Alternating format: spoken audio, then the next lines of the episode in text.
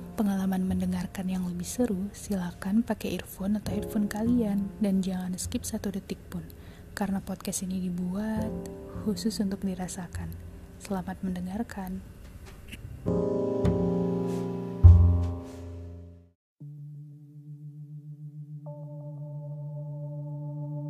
Senyumanmu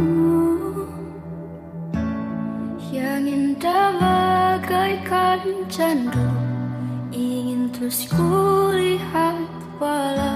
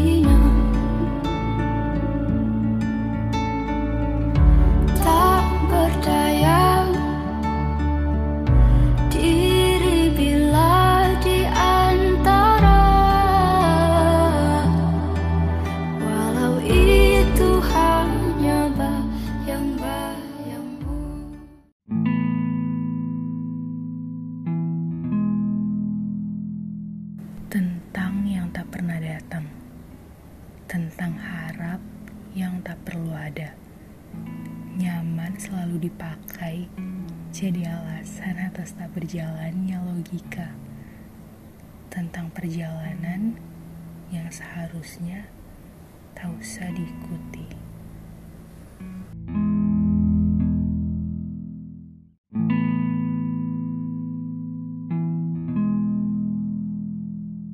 Berdiri ia di pinggir jalan. Mobilnya rusak. Tak tahu juga apa penyebabnya. Mobil itu sudah tua. Butuh waktu satu jam untuk menjelaskan semua kemungkinan rusaknya. Bahkan ia sudah hafal. Pada menit keberapa mobil ini akan mati. Panasnya terik matahari seakan siap membakar tubuhnya. Kenapa tak ada mobil yang lewat? Pikirnya. Ia sudah kelelahan menunggu di sini. Tak lama ia tertawa getir. Bodoh, jawabnya sendiri. Sudah tahu jalanan ini jauh dari keramaian. Tempat anta berantai yang tentu saja jarang disinggahi kendaraan. Mencari pertolongan, rasanya tak ada guna untuk sekedar menelpon saja sinyal entah di mana. Menunggu satu-satunya pilihan yang bisa dilakukan. Tadi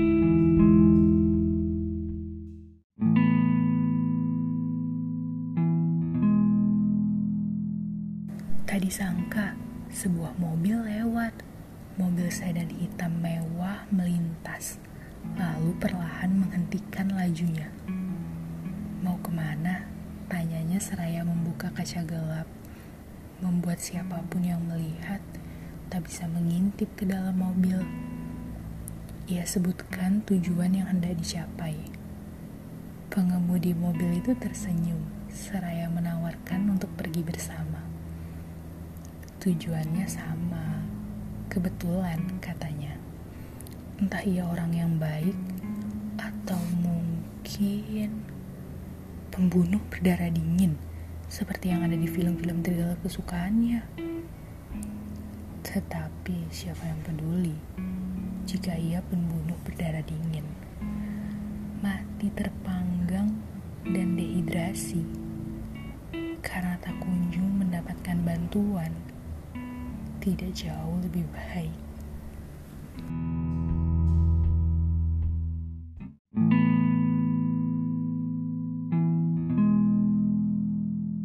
Ia naik dan mengedarkan pandangan ke setiap sudut mobil. Semuanya tampak bersih, aman, dan nyaman. Hanya ada satu yang aneh menurutnya. Kenapa ada pita rambut milik wanita di bawah jok belakang? Padahal kan ia pria. Ah sudahlah, siapa yang peduli? Menyelamatkan diri lebih penting ketimbang memikirkan pita rambut yang tergeletak. Entah punya siapa. Menit demi menit dilalui. Sudah berapa jam ia di perjalanan ini? Curiga mulai berkecamuk. Bertengkar hebat dengan logika yang coba membenarkan. Kenapa malah ke tempat ini? Ini bukan tujuan yang dimaksud ya sudah percaya sajalah daripada diturunkan di tengah jalan dan berakhir di tempat anta beranta lagi. Bermain di pantai tak seburuk yang dibayangkan.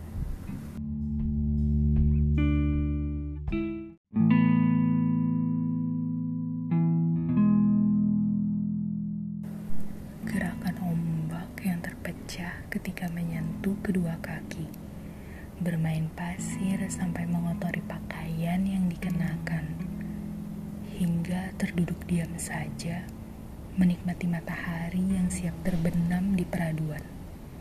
Tunggu, tunggu. Apakah ini berarti sebentar lagi hari sudah malam? Astaga, kenapa aku tak protes dari tadi? Bagaimana mau protes? Kalau dinginnya air laut diredakan dengan hangatnya senyuman. Kalau teriknya matahari yang membuat bukan hanya tubuh kepanasan, tapi juga kepala terasa terbakar, bisa dilupakan dengan tawa yang terdengar bergantian. Lelucon-lelucon konyol, tak penting, tapi membuat lupa akan kesalnya dengan situasi beberapa jam yang lalu. Ayo pergi, ujar pengemudi. Lalu perjalanan di dalam mobil berlanjut.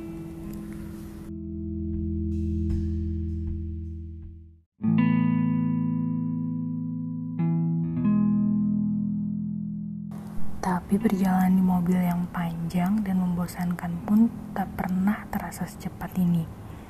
Karena musik yang ia putar, lagu yang dilantunkan bersama, Bahkan di saat wajahnya terlihat lelah pun, senyumnya masih menjadi adiksi terbaik.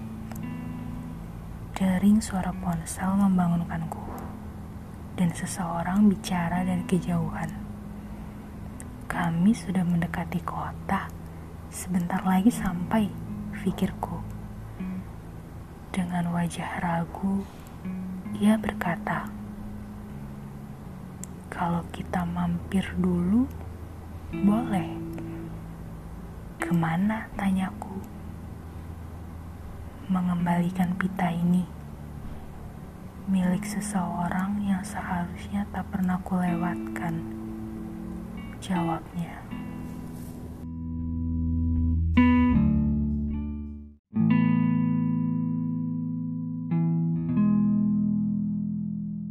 turun di depan saja itu ada penginapan. Tak usah mencegah, memang ini yang kuinginkan. Tak sopan rasanya tak mengucapkan terima kasih untuk pengemudi mobil yang akan selalu kuingat. Terima kasih sudah membantu.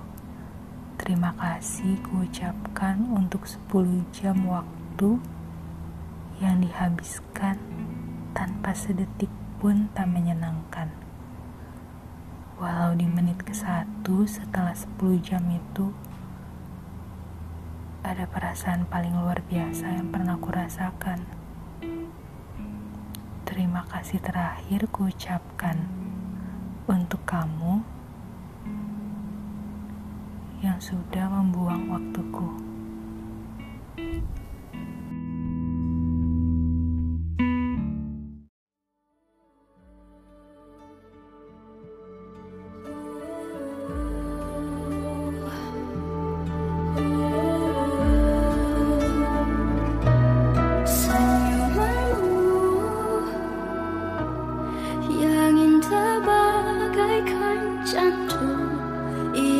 school.